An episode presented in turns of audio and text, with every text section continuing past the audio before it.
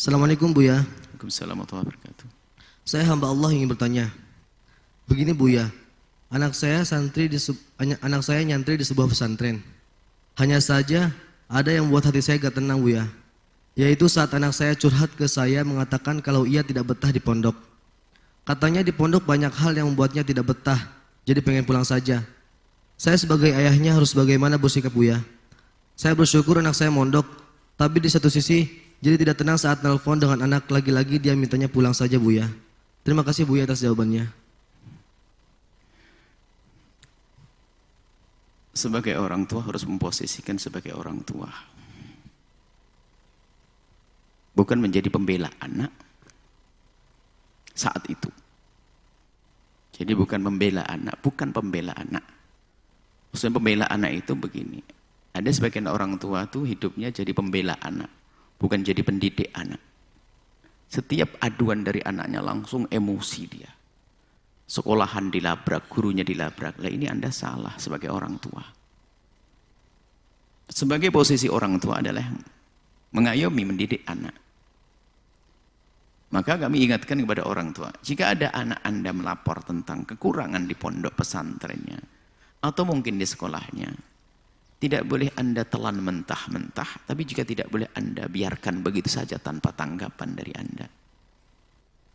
Ini kadang-kadang sebagian orang tua cuek, nggak mau peduli. Itu juga salah. Tapi di sisi lain Anda langsung ditelan mentah-mentah. Ini bahaya sekali. Dan itu biasanya anak nggak akan bisa bertahan. Kalau punya orang tua semacam itu, ingat, ingat. Kalau orang tuanya suka menelan mentah-mentah omongan anak, yang ngancur anak itu sendiri. Dengar omongan ini. Yang namanya anak pengalaman cara berbicara belum tahu. Kemudian cara menyelesaikan masalah belum tentu. Biasanya anak itu adalah punya permasalahan itu volumenya misalnya tiga itu ngomongnya seperti delapan volumenya. Jadi biasanya digede-gedekan itu karena apalagi manja dengan ayahnya ditambah sedikit volume kesusahannya biar pelukannya semakin erat. Itu biasa seorang anak. Bahasa kasihnya anak. Tapi orangnya menangkapnya adalah bahasa permasalahan salah. Itu bahasa bahasa manjanya seorang anak kepada ayahnya yang dianggap bisa melindunginya sehingga kadang ngomong permasalahannya emang gak seberat amat cuman kadang ditambahkan biar apa pelukan ayahnya semakin kuat. Atau mungkin karena ayahnya selama ini tidak pernah perhatian tidak pernah memeluknya. Ini pahami? Orang tua yang suka menelan omongan anak-anaknya lihat yang ancur anaknya gak akan bisa baik sampai kapan pun. Yang namanya anak bisa saja ngadu dan betul permasalahannya terjadi Misalnya betul dia dipukul di pondok, misalnya. Benar, orang tua langsung marah. Anaknya tambah kurang ajar. Padahal sebabnya apa dulu dong? Permasalahannya apa dulu?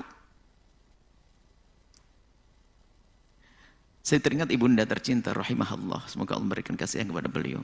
Yang namanya saya santri kan biasa. Yang namanya pelanggaran ada. Hampir semua santri. Yang nggak langgar pun. Kata guru kita yang belum pernah rasakan pukul. Sini saya kasih pukulan.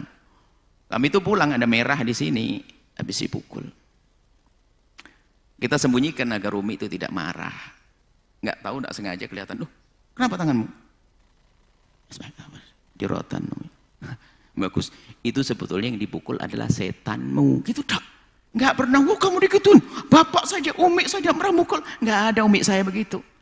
Itu yang dipukul setanmu. Setelah itu dia baru ditanya, kenapa kamu dipukul? Itu pun setelah tempo waktu. Alhamdulillah saya punya umi seperti itu. Ada sebagian orang, kenapa kamu? Apa saya tidak pernah mukul? Kurang ajar ustadznya. Siapa itu? Wah, iya. Kalau yang mukul ustadz biasa saja nggak rela. Tapi kalau mudirnya saya terima. Loh, ribut. Ini wali santri atau preman ini? Preman aja sudah banyak baik hari ini. Ini loh yang banyak. Wali santri, kalau gampang menelan mentah-mentah omongan anak, anak yang rusak. Sebab anak itu kadang bahasa manja. Sehingga bahasa manja itu selalu berlebihan. Memang dia dimarahi ustadz, cuman kadang volumenya nggak seperti yang diceritakan.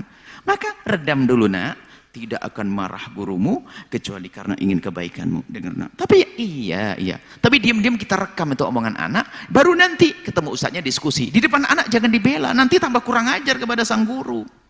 Kalau ternyata kita ada yang janggal betul, kita bisa tanya baik-baik. Mungkin masukan untuk pondok pesantren tersebut. Ada apa sih kok sampai seperti itu? Nah itu. Jadi mungkin mungkin masukan. Oh anak anda gini gini nih. Oh kok bisa? Nah, ya. Jadi bertanya dulu, jangan langsung. Ini kunci sebagai orang tua. Jangan mudah, jangan menelan mentah-mentah, tapi jangan dibiarkan begitu saja.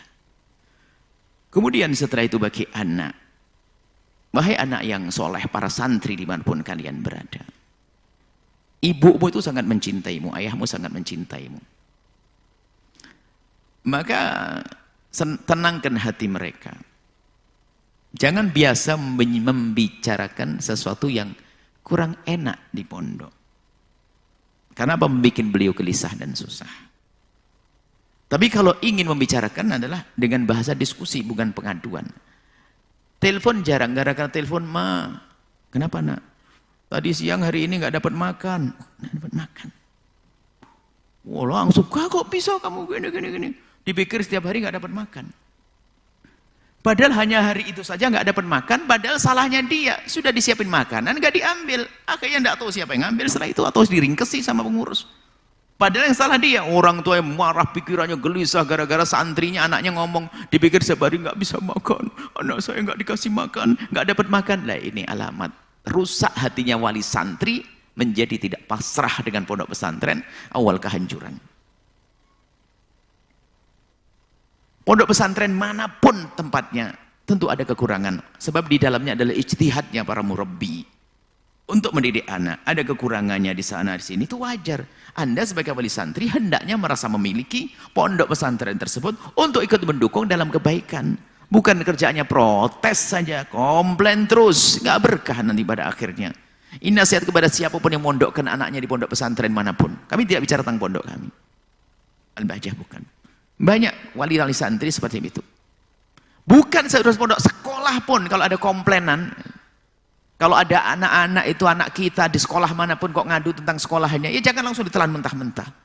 Faham anak kita tuh pengen manja dengan kita. Kemudian di sisi lain wahai anak, ibumu, ayahmu tuh sangat mencintaimu sehingga keluhanmu sekecil apa pun dirasa berat bagi orang yang mencintainya. Sehingga reaksinya pun kalau orang tua nggak bijak bisa berbahaya menjadikan rusak pada dirimu sendiri. Akhirnya ada yang dicabut anaknya dari pondok pesantren. Setelah dicabut, ini kebanyakan dari pengaduan beberapa ustadz, dan kita pun juga pernah mengalami, maksa cabut-cabut. Setelah keluar beberapa bulan, boleh enggak anak saya masuk pondok lagi? Kenapa? Hafalannya hilang, terbisa begini, warna lah ya itulah akibatnya. Main cabut saja, sudah itu mau diantarin lagi. Ini adalah pendidikan kepada para wali santri, guru-guru semuanya. Nah, ini. Jadi jangan gampang, komplain jangan, diskusi yang baik. Jadi ingat, anakmu pengen manja denganmu, wahai para wali santri. Anakmu pengen manja, makanya biasa kalimatnya berlebihan. Kan begitu kalau manja. Sakitnya biasa, ditambah lagi biar tambah perhatian. Itu biasa, paham bahasanya. Tinggal, maksudnya apa? Bahasanya itu ngadu seperti itu sebetulnya bahasanya apa?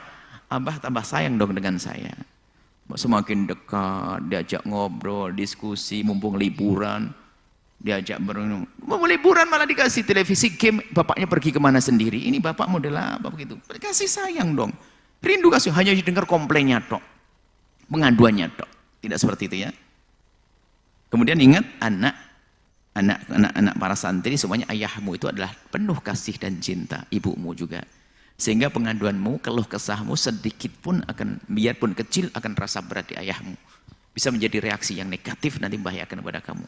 Kalau memang ada sesuatu yang tidak benar di pondok pesantrenmu, sampaikan kepada ayah dengan bahasa bijak. Gimana ayah untuk selesaikan masalah ini? Permasalahannya adalah anak yang tidak kerasan banyak beralasan. Nasib buruk bagi dia. Sudah tidak kerasan, banyak berasan. Macam-macam, pengen dikeluarkan, pengen pulang dan sebagainya. Tambah tidak karu-karuan mondoknya. Berkah juga tidak ada nanti. Mestinya kalau merasa tidak kerasan, minta petunjuk gimana, minta doa kepada orang tua. Sampaikan kalau saya belum kerasan, bukan menjelekkan tempat belajarnya. Wah, Irfan mandinya nggak ada, ngantri segala macam, makanannya nasinya kering. Wah, pakai kerupuk dan sebagainya, macam-macam. Tidak seperti itu. Ini adalah pendidikan kepada wali santri di mana pun Anda berada. Yang memondokkan anaknya kepada siapa pun. Sebab kepatuhan itu penting menjadikan hati Anda tentram, damai. Dan menjadikan sebab anak-anak Anda pun juga akan mudah untuk dihantarkan kepada kejayaan dalam ilmu. Baik di dunia atau di akhirat nanti. Wallahu a'lam bisawab.